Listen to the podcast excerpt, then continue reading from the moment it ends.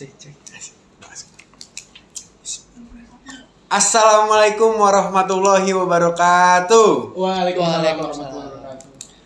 Halo sobat admin, balik lagi di observasi obrolan seru bervariasi episode 16. Oke, pada hari ini kita akan membawakan tema inovasi dan pemikiran kritis kajian strategis untuk generasi muda. Sebelum masuk ke dalam podcastnya, lebih baik kita memperkenalkan diri dulu. Ya, dengan saya Muhammad Ramadan Putra Ujung. Di sini saya sebagai moderator pembawa acara dan di sebelah saya sudah ada anak-anak dari Departemen 2. Boleh di kali dikenalin dulu Siap, dirinya. siap. Makasih Pak Moderator. Asik. Halo Sobat Admin, perkenalkan nama gue Dimas Rahmat Naufal Wardana. Gue di sini sebagai Kepala Departemen Kajian dan Penelitian Strategis dan eh, BTW, gue pertama kali podcast. Oke, Ya, bu enjoy aja. enjoy aja ya.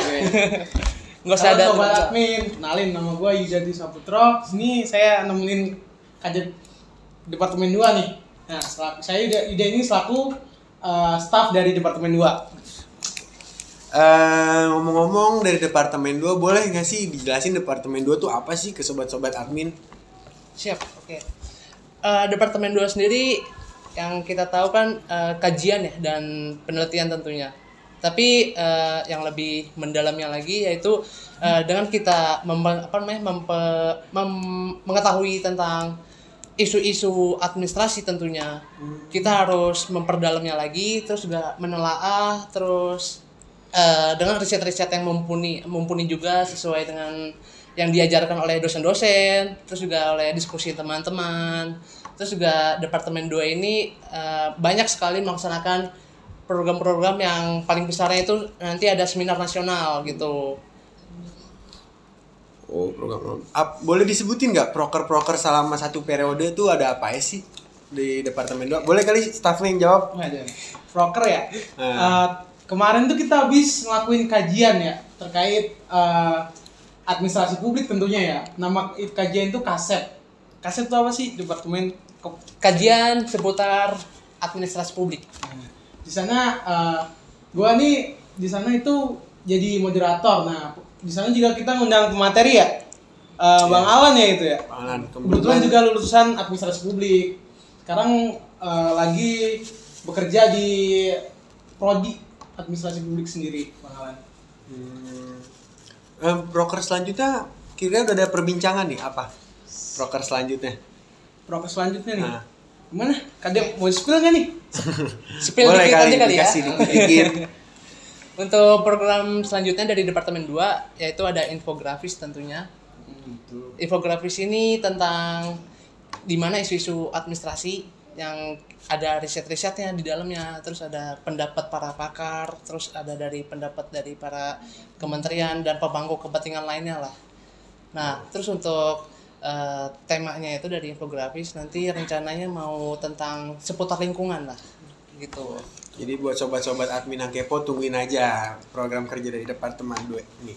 Oke, dari temanya saja sudah inovasi dan pemikiran kritis kajian strategis untuk generasi muda.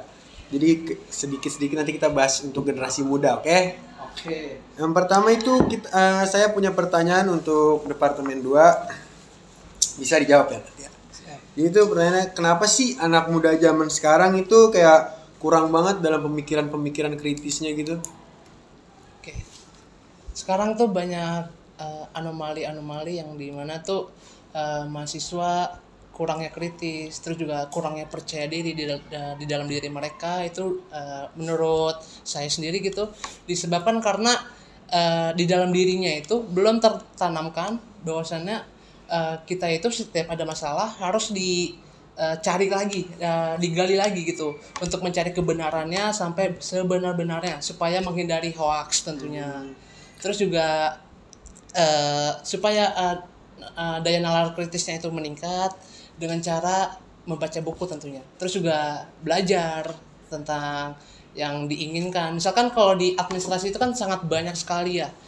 Eh, seperti seputar administrasi lingkungan, terus perbajakan, terus adanya desentralisasi dan otonomi lah dan sebagainya gitu. Nah kita harus eh, salah satunya dengan cara yang kita suka dulu. Kalau misalkan kita suka desentralisasi, ya udah pelajarin itu aja dulu sampai Expertin dulu ya. betul sampai eh, masalah-masalahnya kalian pahamin, terus kalian bisa kritik tentunya. Nah, terus juga selain itu kritiknya ini juga harus sesuai etika tentunya. Jangan main kritik-kritik asal-asalan itu tidak boleh tentunya. Dari Yuda ada tambahan untuk Tambahan dong. generasi muda nih yang kurangnya pemikiran kritisnya.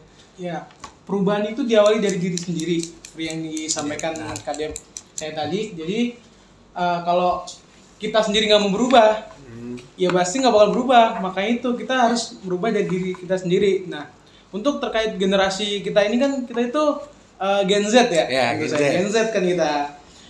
Eh, banyak kayak berita isu-isu kemarin tuh yang tidak mengenakan gitu kan. Makanya kita harus mengenali diri kita sendiri dulu. Terus kalau misal eh, kita ada masalah gitu kan pasti juga cerita ke orang lain nggak dipendam sendiri kan. Iya, betul. Untuk terkait kita itu gimana bisa berubah. Nah, itu tuh salah satunya kalau kita kan kajian ya, Nah. pasti baca buku lah, baca-baca berita lah. Gitu pokoknya artikel sih paling banyak sih buku, berita dan artikel gitu sih kalau Iya. teman dari saya sih. Eh, tapi kan kayak uh, untuk belajar-belajar tuh kenapa juga ya eh, anak muda tuh zaman sekarang kayak kurang banget kayak untuk eh, kajian-kajian kan kalau belajar mungkin malas ya sendiri gitu kan kalau kajian beramai-ramai. Nah zaman sekarang tuh juga kurang gitu loh orang-orang yang ingin belajar beramai-ramai seperti kajian.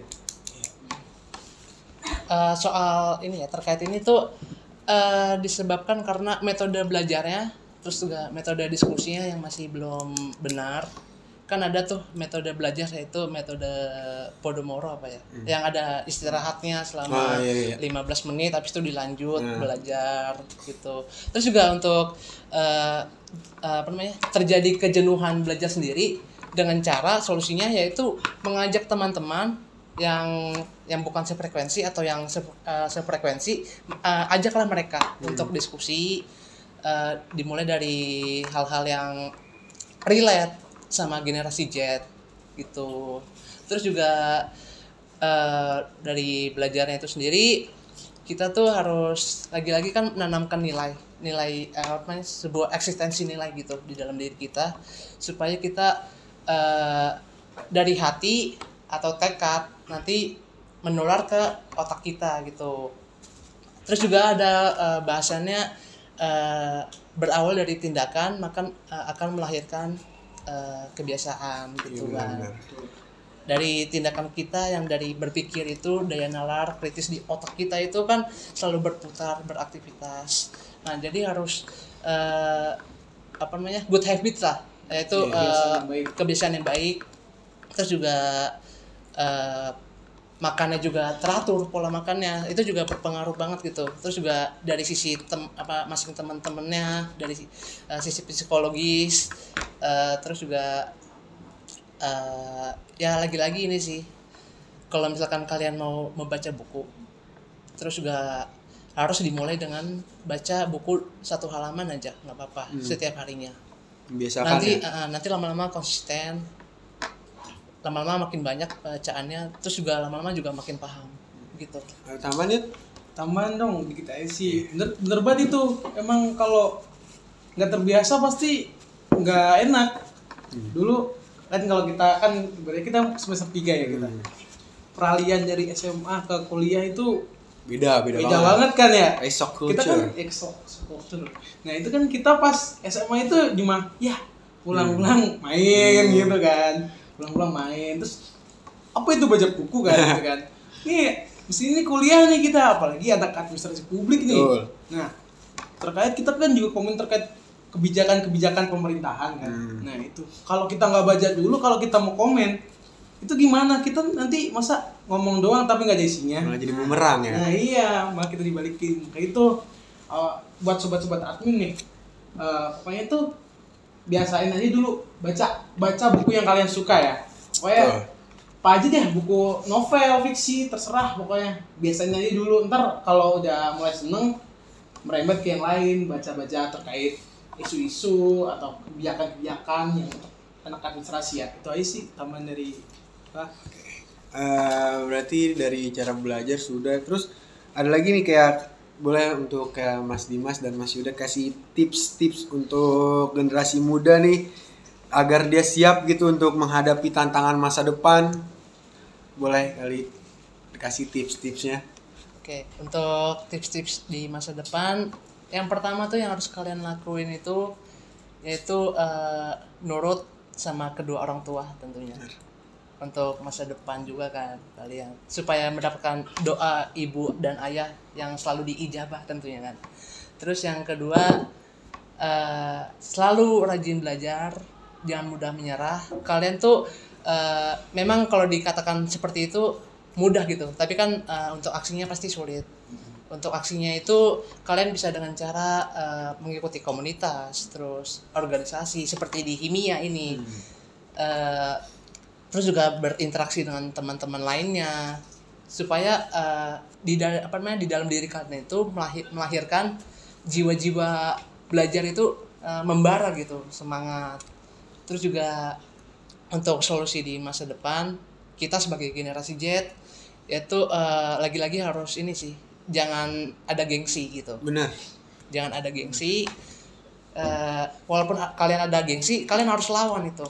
Supaya kalian eh, dalam mencoba eh, suatu saat nanti akan berhasil walaupun ada kegagalan yang sangat banyak gitu karena sebelum keberhasilan pasti ada gagalnya dulu supaya kalian itu bisa memotivasi lagi terus juga bisa mengembangkan diri lagi sampai hampir sempurna lah Benar. Tuh. Nah, Terus zaman sekarang gengsi kayak ngaruh banget ya. iya banget gengsi jadi nggak mau belajar ya kan. Hmm, Dari gengsi nggak mau berteman.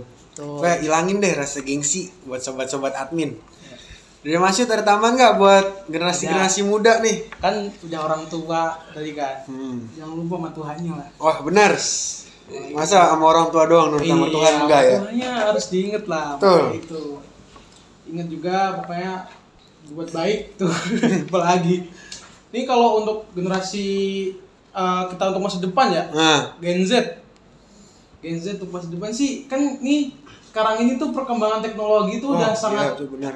sangat cepat Sangat sekali ya cepat yang bikin jadi pada cuek ya. Iya. Gara-gara teknologi.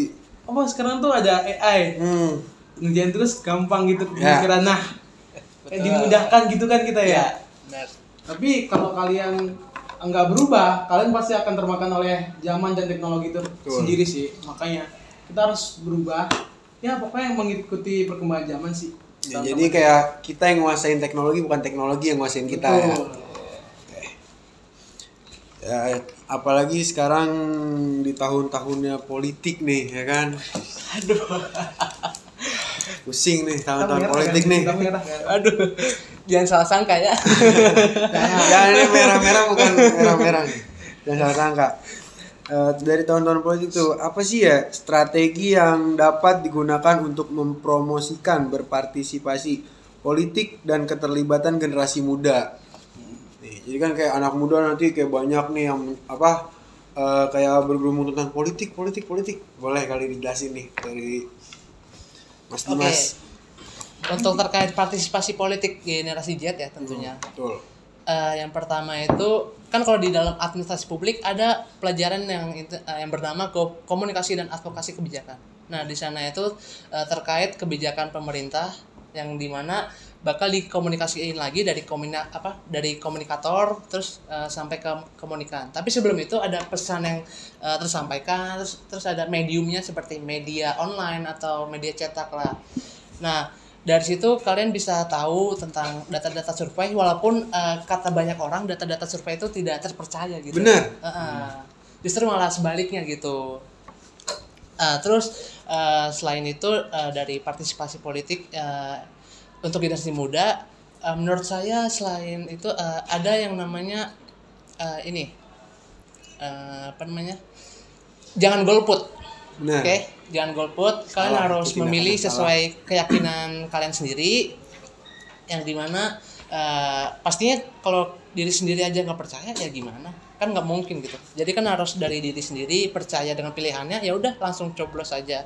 Yang penting kan kalian tahu ini kan eh, tahu ininya eh, latar belakangnya, terus tahu dari prestasi masing-masing dari cawapres, capres dan sebagainya. Begitu. Dari Mas Yuda ada tambahan soalnya kan kayak jangan sampai buta politik nih soal ada kata-kata tuh. Aduh, Jangan sampai buta politik. nggak bisa dong Boleh. kan kita tuh tahu. anak administrasi publik secara tidak langsung itu bersinggungan dengan politik. Mas. Betul, betul. Bersampingan ya hampir. Iya. Makanya itu kan setiap kita kebijakan di semester 3 ini kita kan belajar tentang kebijakan Hmm, publik. kebijakan Betul. publik. Kebijakan itu kan diambil oleh pemimpin. Biasanya gitu kan, Mas. Betul. Untuk rakyatnya. Nah, itu tuh kalau kebijakannya tidak bagus atau tidak eh, sesuai, pasti juga akan ada salah-salahnya, bahkan bubrah lah ibaratnya gitu. Iya, betul. Nah, itu tuh eh, kita tuh masuk tahun-tahun politik ya. Hmm. Kita nggak usah arah ke sana. Penting tuh eh, nanti teman-teman yang disampaikan nih, teman sobat-sobat admin nih, pilihan kalian menentukan lima tahun. lima tahun depan. Indonesia ke depan Indonesia ya bukan kalian dong Indonesia menentukan Indonesia. lima tahun Indonesia ke depan oke ngomong-ngomong tadi golput berarti kayak itu orang nggak punya tanggung jawab ya betul udah dikasih kepercayaan tapi nggak ngomong-ngomong tanggung jawab bagaimana sih kita dapat memberdayakan generasi muda dalam memecahkan masalah lingkungan dan berkontribusi pada keberlanjutan buat anak-anak muda yang sering tidak bertanggung jawab. Nih boleh kali dikasih tahu? Tentunya kan kita eh, lagi-lagi ini sih berawal dari bacanya kebijakan pemerintah itu sendiri. Kalian harus menelaah dan juga di kajian dan penelitian strategis ini banyak meriset-riset tentang administrasi terus baik dengan lingkungan baik dengan eh, apa namanya birokrasinya terus dengan masalah-masalah yang terjadi gitu.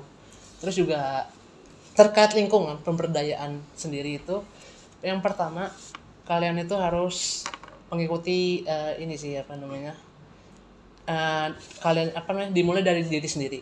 Betul. Lagi-lagi diri sendiri oke? Karena eh, diri sendiri itu akan eh, apa namanya lagi-lagi tentang perilaku kita lagi gitu. Tentang menjaga kebersihan terus juga membuang sampah sembarangan terus juga eh, merokok merokok sembarangan yang di mana di ruang tersebut dilarang gitu. Tapi kalian masih aja betah untuk merokok itu kan jelas eh, melanggar gitu kan. Terus juga eh, untuk memperdayakan ya kalian harus eh, melek melek terhadap bahan-bahan yang ramah lingkungan. Betul. terus juga dari bahan-bahan ramah lingkungan itu kalian bisa eh, beli gitu. Eh, dari eh, apa namanya dari produksi yang udah di sana diberlakukan nah kalian jangan beli produksi dari luar gitu Betul. kalian harus dari eh, dari dalam atau lokal gitu cintai produk-produk Indonesia betul harus produk lokal harus nomor satu jangan lupa dijaga kebersihan juga yuk ada tambahan buat Lingkungan tanggung ya. jawab Buat ya lingkungan, tanggung jawab lingkungan. eh, anak muda buat di lingkungan nih generasi generasi muda Iya. Di sobat admin nih pasti ya eh, tentang kalau lingkungan misalnya kita bahasnya tentang buang sampah ya. Nah. Buang sampah kan jangan sembarangan, biasanya kan gitu ya Mas ya. Bisa banyak penyebabnya banjir ya gitu banyak kan. banyak banget Iya kan? Bahasnya. Nah, makanya itu kan harusnya tuh ada regulasi tentang pengelolaan sampah yang benar. Nah, betul, Kalau setuju, itu kan setuju. kalau ke regulasi ya, Mas. Kan kita kan belum sampai ke sono. Hmm. Nah, kalau di sekitaran kampus kita aja nih ya, Hmm. kita kan kampus Universitas Muhammadiyah Jakarta. ya bahasanya di sekitar kita Kan di sini tuh eh, untuk tempat pembuangan sampah itu bisa tersedia. Terus eh, juga ada yang ngambil ya, Mas ya. Nah. Udah, udah bagus sih. Nah, tuh jadi kalau udah ada kesadaran dari orangnya sendiri buang sampah pada tempatnya, nanti lama kelamaan juga akan jadi sistem. betul Nah, itu sih pokoknya dimulai dari diri anda ya teman-teman, sobat admin. so, Terus- kayak boleh eh, boleh boleh tambahan lagi boleh Terus juga biasanya dari perilaku dasar kita nanti kan benar apa yang dikatakan Mas Yuda nanti akan membentuk kebiasaan yang di lingkupan daerah atau nanti nasional bahkan. Nanti lama-lama jadi sistem itu sendiri kan juga bahaya gitu kalau kita dari perilakunya masing-masing masih membuang sampah, masih nggak bisa menjaga lingkungan. Terus juga eh, dengan cara eh, selain yang tadi kita sebutkan ada lagi eh, namanya kolaborasi gitu ya dari kolaborasi itu sendiri kita dalam pemberdayaan lingkungan di departemen ini kita eh, tentunya membahas di infografisnya gitu tentang riset-riset data-data dan sebagainya lah terus juga dari kolaborasinya itu sendiri kalian itu eh, kalian seperti adanya komunitas seperti contohnya itu eh, yang kemarin di acara tanggal 17 September di Jakarta di Monas itu ada acaranya namanya eh, Clean Up Day. Ah, Iya. jadi itu diikutin berbagai komunitas yang di mana ada aktivis lingkungan yaitu artis yang mengikuti acara tersebut. Nah dari situ kan kita eh, mulai gitu, mulai eh, pergerakannya ada. Tapi jangan hanya itu aja gitu, tapi harus konsisten. Dimulai dari setelah acara besar itu, dimulai dari runtutan acara kecil-kecil dulu, nggak apa-apa. Habis itu lama-lama nanti jadi acara besar Benar. gitu supaya di dalam diri kalian itu lebih menanamkan moral Kepedulian, terus kepedulian terus juga eh, apa namanya interaksi lah interaksi antara kita dan kalian sobat admin di eh, apa namanya di lingkungan itu sendiri karena lingkungan atau dan yang lainnya seperti ini apa namanya tempat bergaul lah tempat bergaul kita itu akan mempengaruhi diri kita Betul.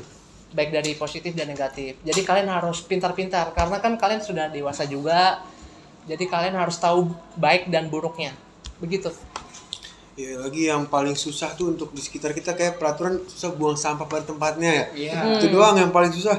Padahal kayak di sosial media, di berita-berita udah banyak itu impact dari buang sampah itu ap- gimana ya? Ya. Tapi kan itu mas, kalau mereka kalau disediakan tempat sampah pasti juga kan buang sampah pada tempatnya. Iya sih Nah, benar juga tapi sih. kalau nggak ada tempat sampah ya mereka mikir buang sembarangan aja lah. Gitu. Tapi nggak nggak nggak nggak di sembarangan juga ya. Kayak harus- misalnya harus di satu tempat gitu, Iya. jangan kayak di mana-mana kan Iya. Pokoknya menyebabkan banyak dampak itu buang sampah sembarangan.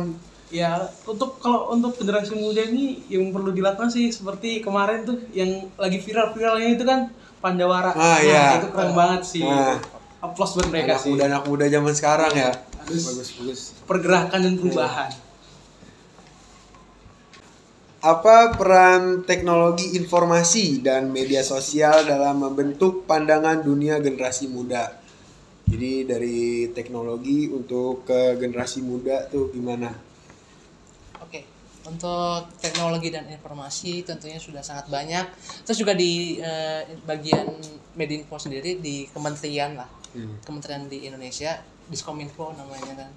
Itu kan udah ada eh, bagiannya gitu, bagian hoax yang dikerjakan oleh anak-anak muda gitu. Jadi untuk memberantas hoax gitu. Sebenarnya hal ini baik, tapi masih aja berita-berita hoax yang masih disebarluaskan, masih masih nembus lah dari pertahanan itu. Nah, justru untuk eh, mewanti-wantinya ya lagi-lagi kalian dengan cara membaca tentunya. Hmm. Kalian itu harus eh, baca buku sih. Soalnya Iya, baca benar. buku itu asik banget itu. Terus juga dari eh, selain itu juga eh, apa namanya? riset-riset riset tentang kalian kalau membahas tentang kelautan kalian berarti harus eh, membahas tentang eh, ini nih tentang blue ekonominya di setiap daerah itu gimana.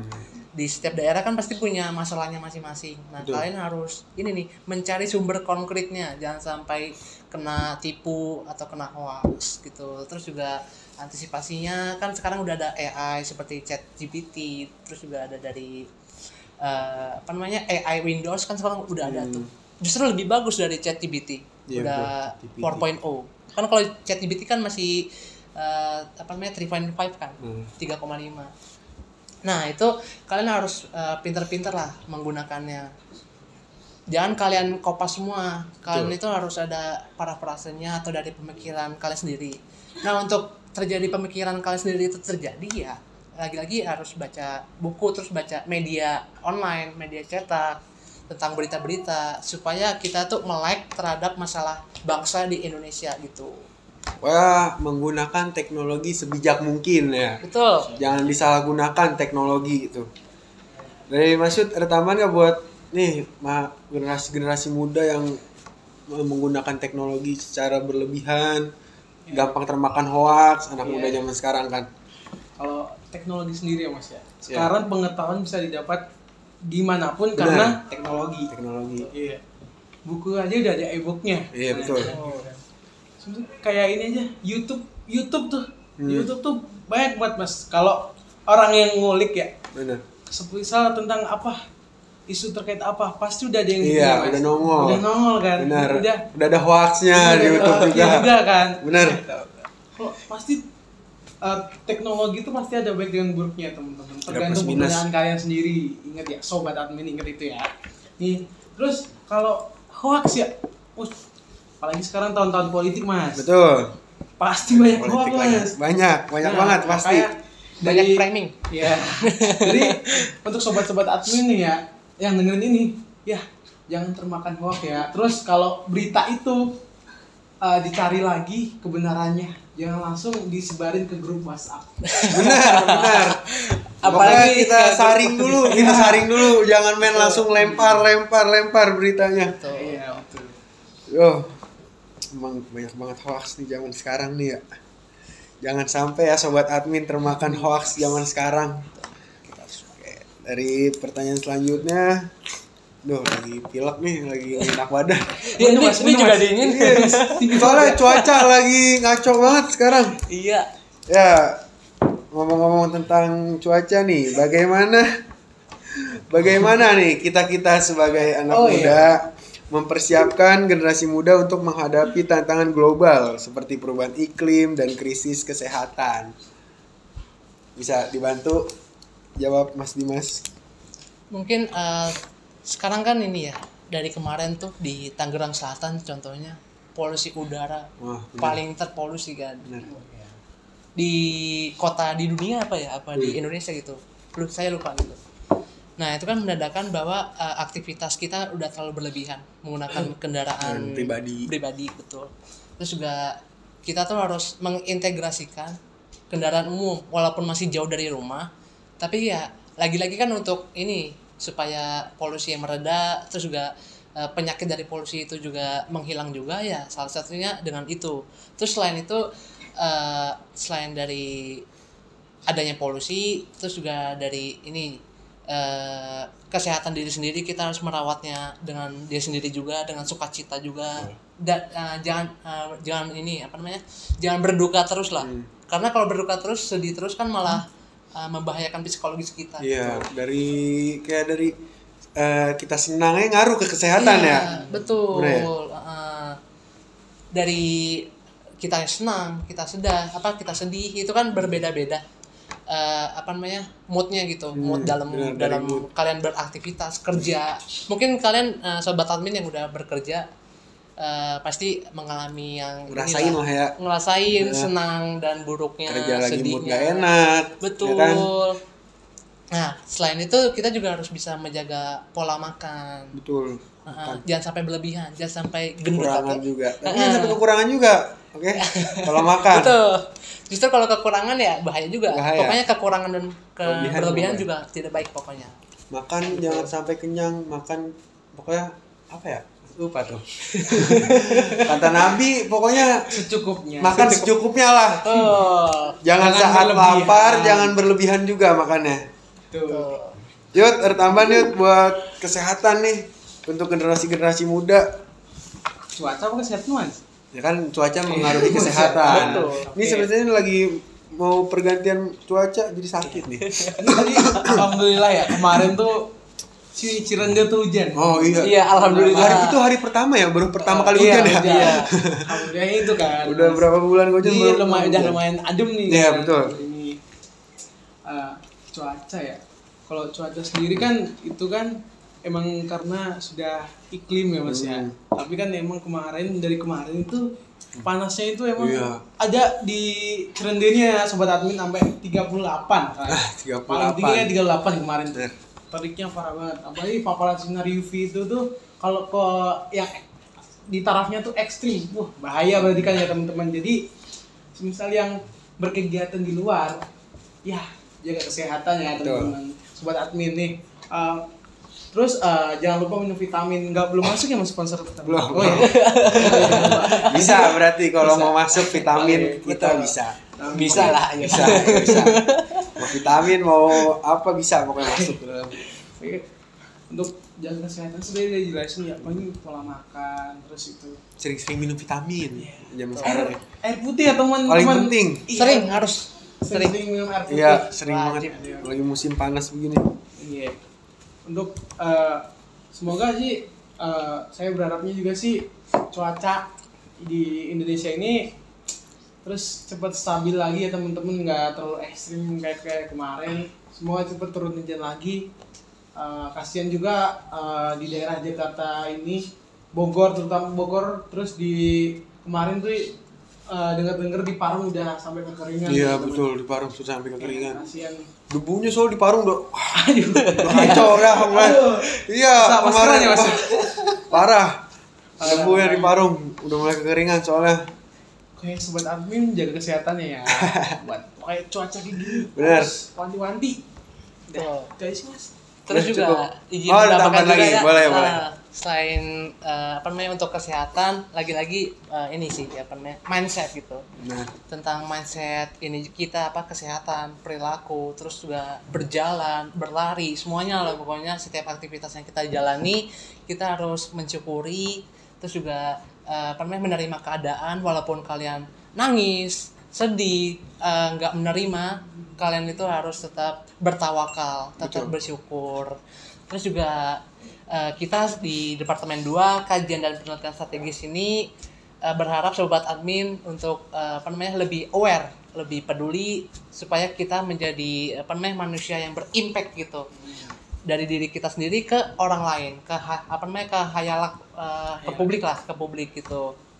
Nah, dari situ nanti bakal bermunculan hal-hal yang besar yang bakal memperbagus Indonesia itu sendiri. Begitu. Semangat ya sobat admin. sudah cukup. Kayak tidak perlu berlama lagi soalnya di luar sudah mendung nih mau hujan sobat admin. Jadi kita harus menyelesaikan podcast kali ini. Ntar takutnya kehujanan. Eh jangan ke mana-mana tetap ikuti terus observasi obrolan seru bervariasi.